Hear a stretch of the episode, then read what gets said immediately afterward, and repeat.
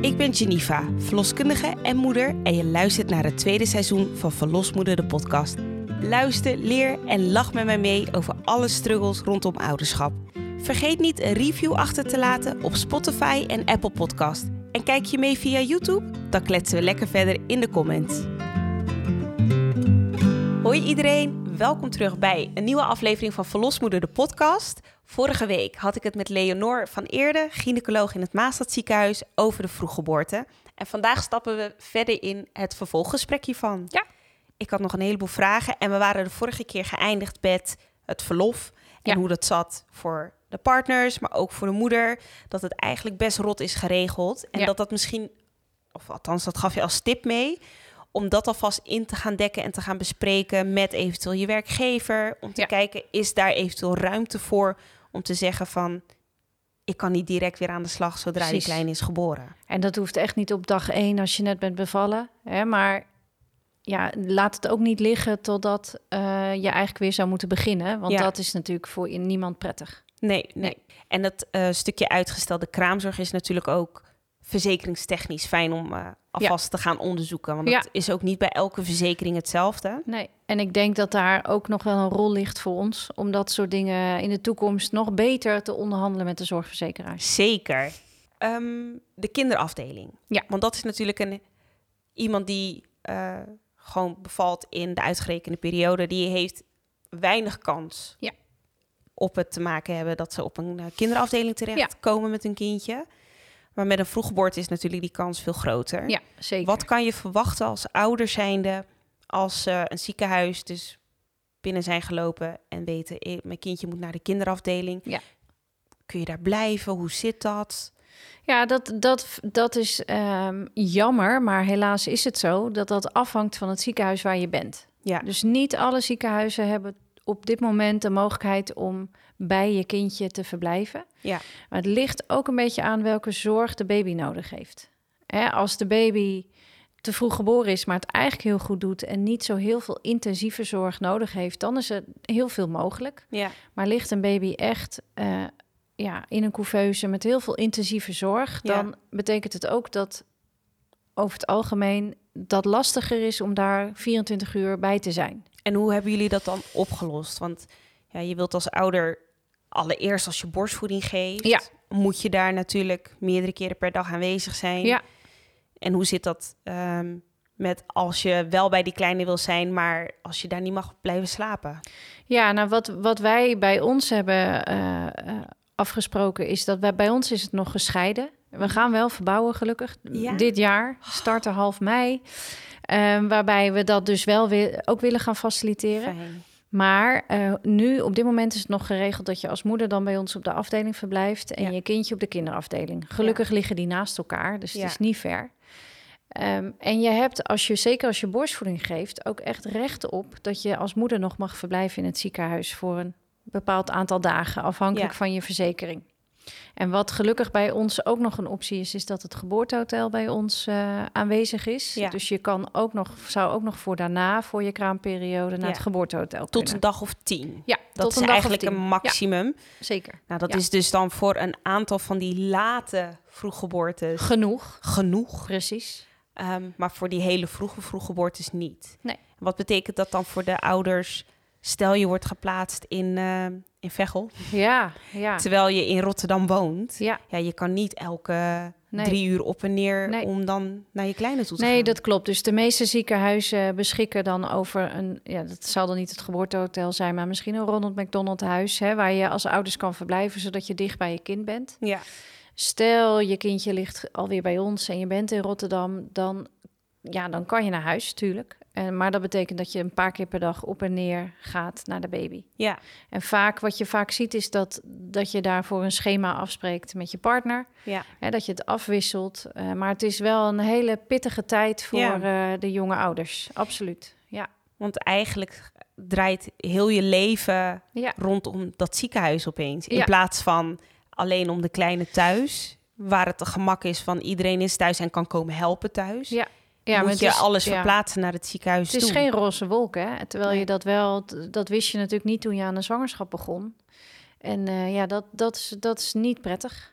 Dus ik denk zeker dat daar de begeleiding heel goed moet zijn. En ook voor dat stukje van wat doet dat met je en wat, uh, hè, hoe kunnen we je helpen. Ja, en dat is dus wat dat maatschappelijk werk of eventueel de psycholoog mee kan pakken, is die nasleep van Zeker. van en wat bij ons fijn is, is dat maatschappelijk werk is, is groot hè, in een ziekenhuis met heel veel verschillende stukjes en afdelingen. Maar de kindergeneeskunde en de verloskunde, dat zijn dezelfde mensen die dat doen. Dus die komen ook bij ons op de afdeling, mocht je daar nog liggen, maar die zijn ook op de kinderafdeling aanwezig. Dus dat is gewoon fijn. Ja, ik merk dat ik het zelf ook prettig vind als ik iemand doorstuur met een vroeggeboorte, dat ik het kraambed ook weer oppak. Ja. Dus er komt een bekend gezicht weer in die weken daarna. En ook als ze ontslagen zijn uit het ziekenhuis, dan wordt er vaak ook nog eventjes contact opgenomen om te kijken van, hey, is uitgestelde kraamzorg geregeld? En Precies. hoe nu verder en hoe verder met het leven? Ja. Want mag ik jou een vraag stellen, Janiva? Wanneer houdt het voor, wanneer houdt het voor jou, zeg maar, je bemoeienis op met zo'n vrouw? nou, hoe, hoe lang na de bevalling? Nou, ik denk dat het dus inderdaad ook verschilt per verloskundige praktijk. Ja. Want ehm, normaal gesproken stopt de verloskundige zorg zes weken na de bevalling. Ja. En dat geldt ook bij die vroeggeboortes. Ja. Alleen um, heb je wel met het uitgestelde kraamzorg dat je soms vanuit ons nog een toestemming nodig hebt, of een handtekening of een code, eh, we noemen dat een AGB-code. Ehm, dat je nodig hebt voor de kraamzorg die op dat moment dan bij je thuis komt. Dus vaak doen we dat ofwel telefonisch, Ehm, maar ik weet dat vanuit mijn praktijk vind ik het prettig dat als die mensen naar huis mogen, dat we dan nog een keertje ja, langskomen. Ja. En of dat, dat geldt dan, uh, of dat het nou na tien weken is of na drie maanden is. Het ligt er een beetje aan wat de ouders ook zelf willen. Ik leg de vragen altijd terug. Want bij sommige ouders die zeggen, joh, uh, ik ben al zo geskild, ik ken dit kind. Ik, voel, ik heb daar helemaal geen nut voor. Nee. En andere ouders die zijn gewoon nog heel onzeker. En die blijven ons dan ook gewoon bellen. Dus um, dat scheelt eigenlijk met je verloskundige. Wij krijgen altijd betaald per zwangere ja. algeheel. Ja. Dus of dat wij vijf keer gebeld worden of twintig keer gebeld worden, wat dan ook. Ja, dat, maakt, eigenlijk niet uit. En dat geldt voor ons dan ook in het geval met een vroeggeboorte. Dat ja, als jij vragen daarna hebt, dan kunnen we je daarbij helpen. Maar vaak zijn we meer het eerste aanspreekpunt van waar moet ik naartoe met deze vraag? Ja, Want eerlijk is eerlijk, we zijn hier niet in gespecialiseerd. Nee, maar wel gelukkig heel laagdrempelig. Dus ja. mensen bellen jullie dan toch. Vaak is het toch fijn om even te weten... hé, hey, wat, wat, wat kan ik nou aantrekken? Hoe zit het ook weer met de voeding? Hé, hey, die kleine heeft gespuugd... of die kleine voelt zich niet lekker. Wat moet ik nu? En uh, oh, shit, darmkrampjes. En, ja, uh, ja, ja. Dus daar, dat zijn de belletjes waar wij uh, vaak in de weken na de bevalling... echt nog wel voor zijn. En ook dus voor de ouders die een vroege nou, geboorte hebben. Ja. Dus schroom ook niet dat als een verloskundige dat niet aanbiedt... dat je dus dan dat ook even vraagt. Want ik denk dat misschien komt het niet direct bij ze op, maar ik denk dat niemand denkt: oh jammer, ik moet daar nu langs gaan. Nee. eigenlijk mis je ja. dat stukje, dus dat, dat wil je echt wel oppakken. Ja. Zeker ook als iemand buiten de regio gaat, want dat vind ik het. Ja, dat, dat vind ik persoonlijk ook heel lastig. Ja. Dat iemand dan, uh, die stuur ik in naar, naar het Maasstad en dan naar het Erasmus. Nou, dan probeer ik echt nog wel naar het Erasmus te gaan. Maar als iemand niet naar het Erasmus gaat, maar naar Dordrecht gaat, dan wordt het voor mij al ehm, moeilijker. Logistiek gezien gewoon heel lastig. Want ik heb ook andere dames waar ik de verantwoording voor heb. Ja, precies. Ja, nou logisch. Ja. Um, een van de dingen waar de meeste ouders toch tegenaan lopen in die eerste, of het eerste gevoel wat ze hebben is, ja, verloren tijd. Ik kan nu niet de tijd met de kleine hebben. Ja. Bang dat dat effect gaat hebben op de binding met die kleine. Daar wordt een heleboel energie ingestoken ja. aan de achterkant. Ja. Wat soms niet helemaal duidelijk is op het moment dat je misschien zo'n ziekenhuis binnenstapt of op het moment dat het net gebeurt. Ja. Wat zijn dingen waar jullie aandacht aan besteden? Nou, we weten natuurlijk uit onderzoek dat uh, um, het hebben van lichamelijk contact met je baby voor zowel de baby als voor de mama en de partner hartstikke belangrijk is. Ja. Dus we proberen altijd, ook al is de baby nog zo klein en zijn er nog zoveel lijntjes en infusen en slangetjes, om toch dat moment te bieden van huid op huid contact. Ja, echt dat buidelen. Hè? Ja, ja, en je ziet zelfs, en dat vind ik altijd een heel indrukwekkend onderzoek, kindjes die het niet zo heel goed doen, die te snel ademen, te snelle hartslag, niet zo goed zuurstofgehalte in hun bloed, als je die bij de moeder legt en gaat buidelen, zoals dat heet, ja. dan zie je eigenlijk alle dingetjes verbeteren. Ja. Dus de baby gaat regelmatig ademhalen. Daardoor komt er beter zuurstof in het bloed, daalt de hartslag. Dus je, ja, je ziet gewoon wat voor effect dat heeft. Bizar eigenlijk dat we dat heel lang niet hebben gedaan. Dat we Ja. moeder en kind scheiden en, eh, en zo'n baby moet het opeens alleen Ja. doen in zo'n glazen bakje. ja. Ja. Dus daar is zeker heel veel aandacht voor. Maar eerlijkheid is natuurlijk wel, als de baby heel ziek is, dat Ja. dat echt niet, al, niet zo vaak kan als dat je als moeder graag zou zou, willen. Ja. Ja. Ik zeg altijd, het is geen verloren tijd, maar verlengde tijd. Ja. Het is Ja. nu even anders. En ehm, wat ik ook altijd probeer, die kraamweek dat je thuis komt, dat je dat ook echt weer gewoon een kraamweek Inhaalt. maakt. Ja. Deuren Maak- dicht, gordijnen dicht. Ja, Ja. maak er twee. Ga in je kokonnetje en, en pak het weer op en vier het feit dat maar die ik klein kan is me wel voorstellen dat je, dat je daar verdriet van hebt hoor. Want tuurlijk, als jij gewoon op een normaal, normaal moment in de zwangerschap bevalt en je baby is 24-7 bij je, is natuurlijk heel anders dan zo'n heel kwetsbaar wezentje in zo'n glazen bakje. En dat is dan je baby. Ja. Ja, dat, is, dat, lijkt, me, dat lijkt me heel. eh, En heel dat je jezelf eigenlijk ook volledig los moet laten Ja. en in dienst staan van Ja. zo'n kind Ja. dat niet bij je is. Dat, ik denk dat dat heel veel impact heeft op, op hoe jij Ja, jezelf kan zijn. Zeker, maar ook bijvoorbeeld, hè, we doen natuurlijk hè, in de normale situatie ook wel eens een keizersnee. Best vaak eigenlijk. Hè. En Die dames krijgen alle tijd om rustig te herstellen met hun baby. En er is veel hulp enzovoort. Maar stel, jij krijgt een keizersnede bij 28 weken. Ja, En jij moet na vijf dagen het ziekenhuis uit, want meer dagen heb je niet. ja, En je moet dan met je verse buikwond twee of drie keer per dag op en neer naar het ziekenhuis. Ja. Die vrouwen die herstellen ook veel langzamer. Ja. Want er is gewoon helemaal geen rust. nee. Dus het heeft op heel veel vlakken heel veel consequenties. Ja. Ehm, dus ja, er ligt een hele grote eh, taak, denk ik, voor ons om zoveel mogelijk die vroeggeboorte te zien te voorkomen. Ja, zeker. Dus veel onderzoek doen betekent dat, hè? want je wil gewoon zo ver mogelijk komen in die zwangerschap. Dus er wordt heel veel onderzoek gedaan naar vroeggeboorte. Kunnen we het voorspellen? Kunnen we dingen geven die helpen? Ehm, ja, omdat het op zoveel vlakken consequenties heeft. Ja. Als we het dan hebben over vroeggeboortes, dan heb je natuurlijk ook soms hele lastige gesprekken. Hè? Ja. Want de gesprekken die jij hebt bij iemand met eh 34 weken en een vroeggeboorte zal heel anders zijn dan iemand die net 24 weken heeft gehaald of mogelijk er net voor zit. Ja. Wat kan je eh, verwachten qua kansen ehm, als het gaat over het stukje tussen die 24 en de 28 weken? Geldt het, gaat het over een dag? Gaat het over, over een week? Ja, in Nederland is het zo, en ik denk in heel veel landen, dat die, dat stukje voorlichting en uitleg, dat dat niet door de gynaecoloog gebeurt. En daar, daar moet je echt het gesprek, moet je, of de informatie moet je krijgen van een kinderarts die gespecialiseerd is in die extreme vroeggeboorte. Dus dat ben ik ook niet. Dus wat wij doen, stel je komt al voor 24 weken met een dreigende vroeggeboorte, dan ga je rond die 24 weken naar het Erasmus ziekenhuis Ja, voor dat gesprek ja, omdat je inderdaad moet weten van, stel de baby wordt nu geboren, wil ik dat dan eigenlijk wel? Wil ik wel dat alles wordt gedaan? Wat zijn de kansen? Wat is de kans dat de baby er iets aan overhoudt? ja, Nou, die getallen zijn er.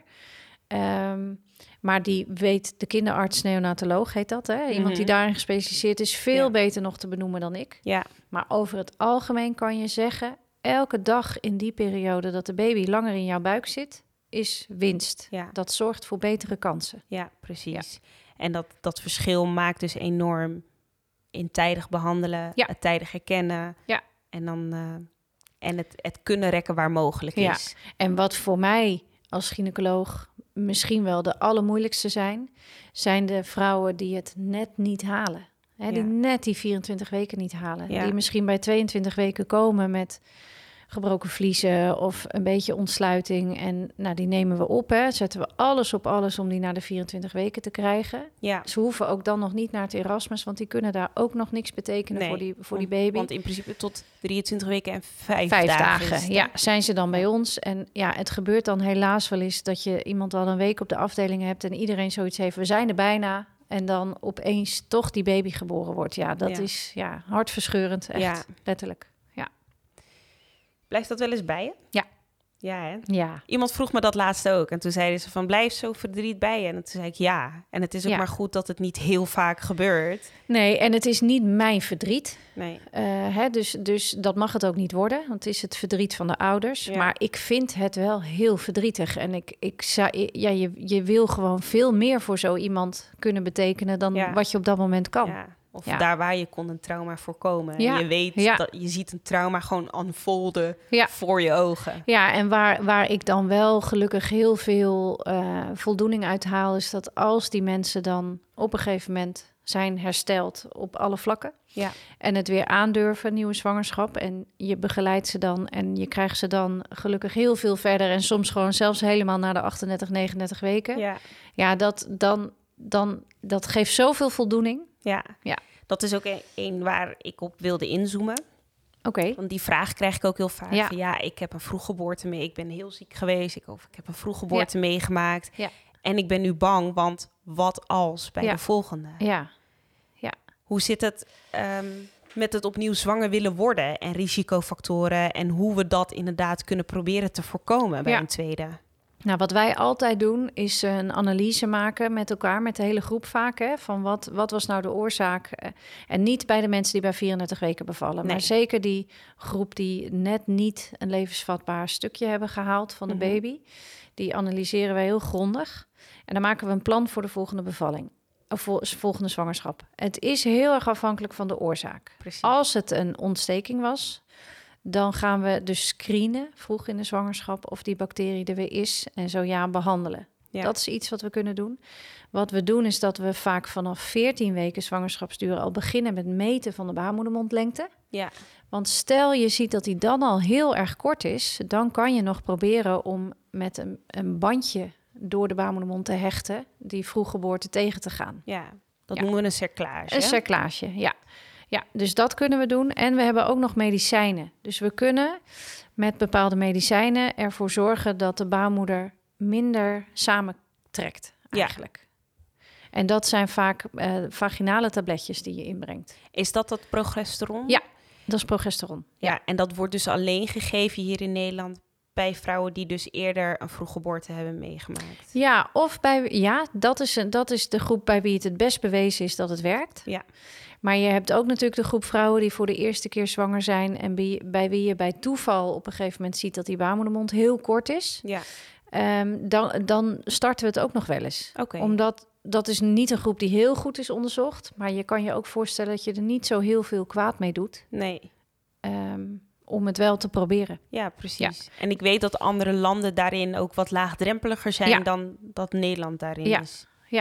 Ja, wat dat betreft is Nederland wel wat conservatief qua behandelingen. Maar dat komt omdat we ook wel heel erg strak zitten op dat je niet mensen moet overbehandelen die je dat niet nodig hebben. Nee, nee. En eh, dat, ja, daarmee veroorzaak je soms namelijk ook problemen. Ja, Ja. maar ik denk dat het ehm, dat wat er is al wel hoop kan bieden voor die Zeker. ouders die inderdaad zoiets hebben meegemaakt, waarbij ja, 9 van de 10 keer zijn ze overvallen met zo'n situatie. Dat is niet Ja. iets wat ze wekenlang hebben aanzien komen. Nee, nee. Maar ehm, Nee, dus je krijgt altijd een afsluitend gesprek. Hè? Als, als eh, we alle onderzoeksgegevens hebben en we hebben een mogelijke reden van een vroeggeboorte gevonden.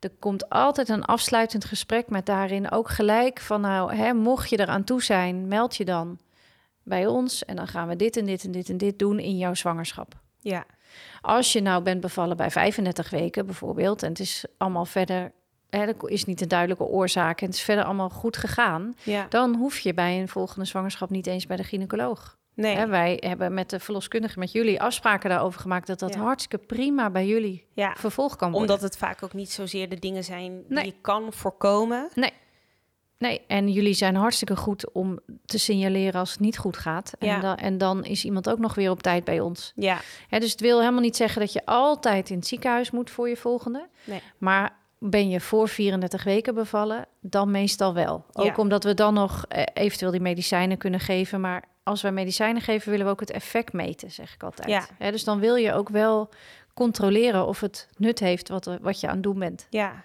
Ja. En als je dan ook inderdaad weer terugkijkt naar het stukje zwangerschapsvergiftiging. Als je dat met die aspirine de kans daarmee kan verlagen. verlaag je dus ook weer de kans natuurlijk op een vroeggeboorte. Zeker. En dat is ook wat je zegt met, de, met een infectie of met de blaasontsteking. Ja. Dat, dat zijn dingen waar je nu de volgende keer beter op kan anticiperen. Precies, dan precies. dat je de eerste keer daar natuurlijk niks van af wist dat dat zou nee, gaan spelen. bij Nee, en dat maakt je verdriet echt niet minder, hè? Dat je, dat je, eh, of je zorgen. Maar het maakt je kansen wel anders. Dus ja, Ja. Wij, wij, gelukkig, hè, en uit de praktijk is gelukkig ook hè, de groep die het allemaal nog een keer moet meemaken. Want dat is de angst. Ga ik Ja. dit nog een keer meemaken? Is ehm, minder groot, gelukkig, dan de vrouwen bij wie het een volgende keer heel anders loopt. Ja, Dus ja. daar gaan we voor. En bij zwangerschapsvergiftiging zei je, nou, de kans ehm, dat het gebeurt is er wel, maar we zien het vaak later dan Ja. op gang komen. Zeker. Is dat dan ook bij een vroeggeboorte ook zo? Of zie je de- vaak daar een herhalingspatroon in ontstaan? Ja, ja dat is niet, die relatie is niet zo makkelijk. Het ligt gewoon heel erg aan wat de oorzaak was Ja. van de vroeggeboorte. En, en wat ik ook in de vorige aflevering denk ik zei... is dat we ook bij een grote groep eigenlijk niks vinden. Ja, En dat is een hele lastige groep natuurlijk. dat is pijnlijk, want daar kan je niet altijd op anticiperen. nee, dus vaak doen we dan eigenlijk ook alles. Dus dan doen we en kweekjes wel. En we geven zeggen, ook- wat doe je ja, dan? Zet je dan gewoon alles in Jawel, met hoor. het hoop dat iets werkt? dat iets werkt, zonder dat je dan eigenlijk precies weet wat je dan aan het behandelen bent. Maar je, je wil natuurlijk kosten wat kost dat voorkomen. Ja, Ehm, maar voor die groep is het veel lastiger om het herhalingsrisico te benoemen ja, dan voor iemand van wie je weet wat de oorzaak was. ja. Ja. En zie jij in je vakgebied nog ehm, bepaalde groepen waar het vaker voorkomt, zo'n vroeggeboorte? Of dat je zegt van nou, als ik dit had geweten bij zo'n eerste intakegesprek, dan had ik je graag wat extra in het vizier willen houden. Ja, nou, ik denk wat, wat mensen die schamen zich soms ook voor iets wat er in het verleden is gebeurd. Hè? En dan heb ik het met name over een eh, abortus. Hè? Dat is niet, sommige mensen willen dat gewoon niet vertellen. Of die willen niet dat hun partner het weet, dus vertellen ze het niet. Nee. En dat, daar heb ik alle begrip ook natuurlijk voor. Maar soms kom je daar dan dus pas achter als het eigenlijk al te laat is. Ja, En dat is wel, dat is wel heel, vind ik wel heel triest. Want ja, ja, je, door, doordat je je daarvoor schaamt of ja, je, niemand heeft een oordeel daarover, maar het is wel fijne informatie om Ja. te hebben. en het is niet dat dat alles betekenend Nee. is, maar Nee. het kan wel mogelijk bijdragen aan een verbetering van de uitkomst Ja. een keer. Zeker.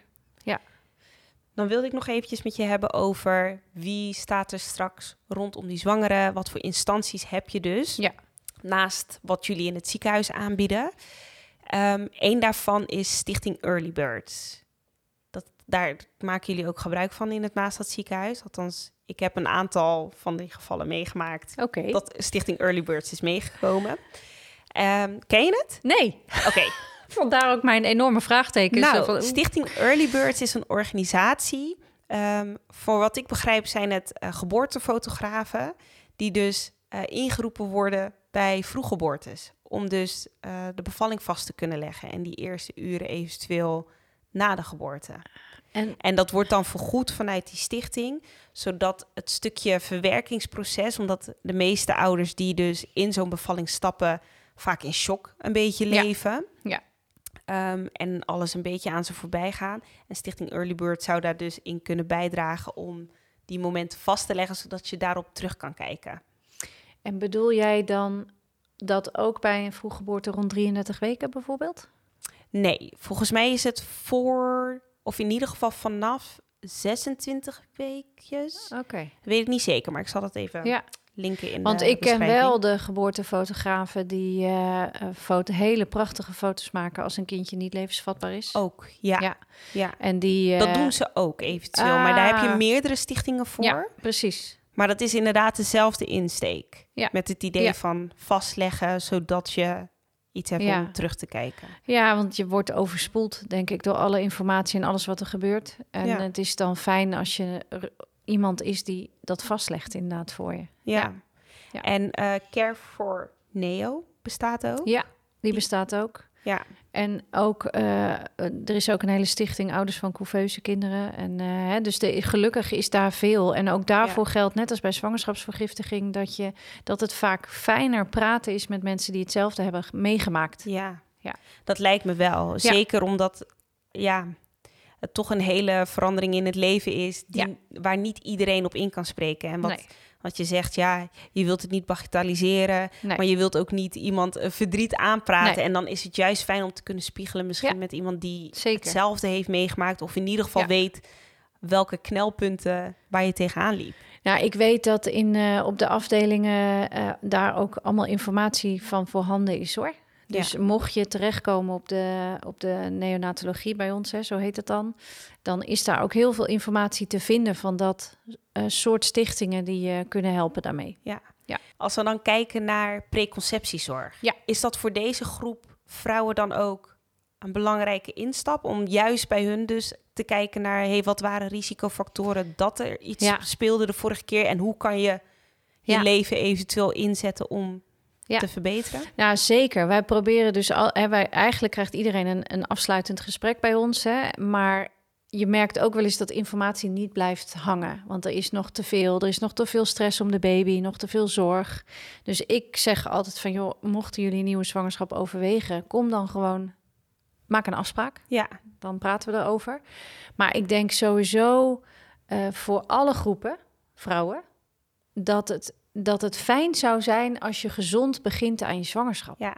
En ik denk überhaupt eh, dat heel veel vrouwen niet weten dat als je het overweegt Ja. om zwanger te worden, Ja. dat we met z'n allen staan te wachten op je. Ja, voor zo'n consult. Een kinderwensconsult of preconceptieconsult, hoe je het ook wil noemen, wordt vaak dus ook gewoon vergoed vanuit je verzekeraar.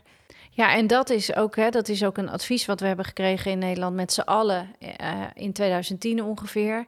Hè, dat we daar on- ons op moeten richten, op die preventie. En, Ja. ehm, maar we weten ook met z'n allen dat dat de lastigste groep is. Ja. Omdat mensen melden niet dat ze zwangerschapswens hebben. Nee, Mensen melden zich bij ons of bij jou op het moment dat ze zwanger zijn. precies. En, En dan- eigenlijk willen ze daarvoor hebben. Dan zijn we al een belangrijke periode voorbij. Ja, Ja, dat is helaas zo. Dus, dus ja, een oproep aan iedereen. eh, zeggen tegen je zus, je nichtje, je vriendinnen. kom Kom! als je denkt aan een zwangerschap. En het hoeft niet een zwangerschap volgende week te zijn. Nee hoor, kan maar als je denkt over- binnen een jaar Ja. of, eh, of Ja. als je denkt van nou, ik zou volgend jaar wel willen starten.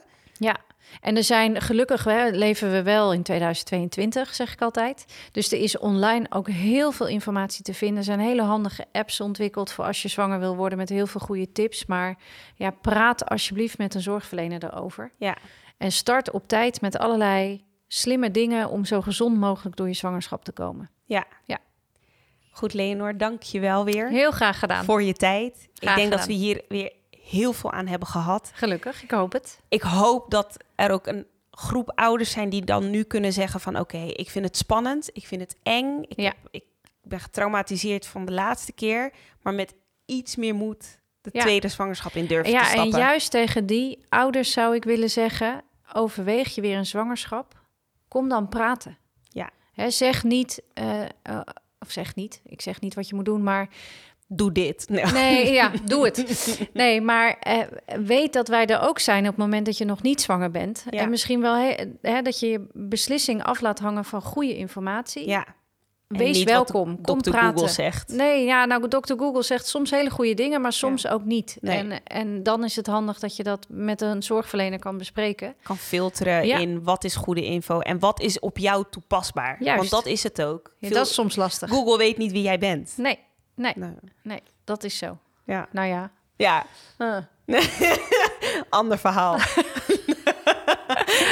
Goed, iedereen bedankt weer voor het kijken naar de podcast. Ik hoop dat jullie dit een leuke aflevering vonden. Zo ja, geef even een like. En dan zie ik jullie volgende keer weer in een nieuwe aflevering. Ciao!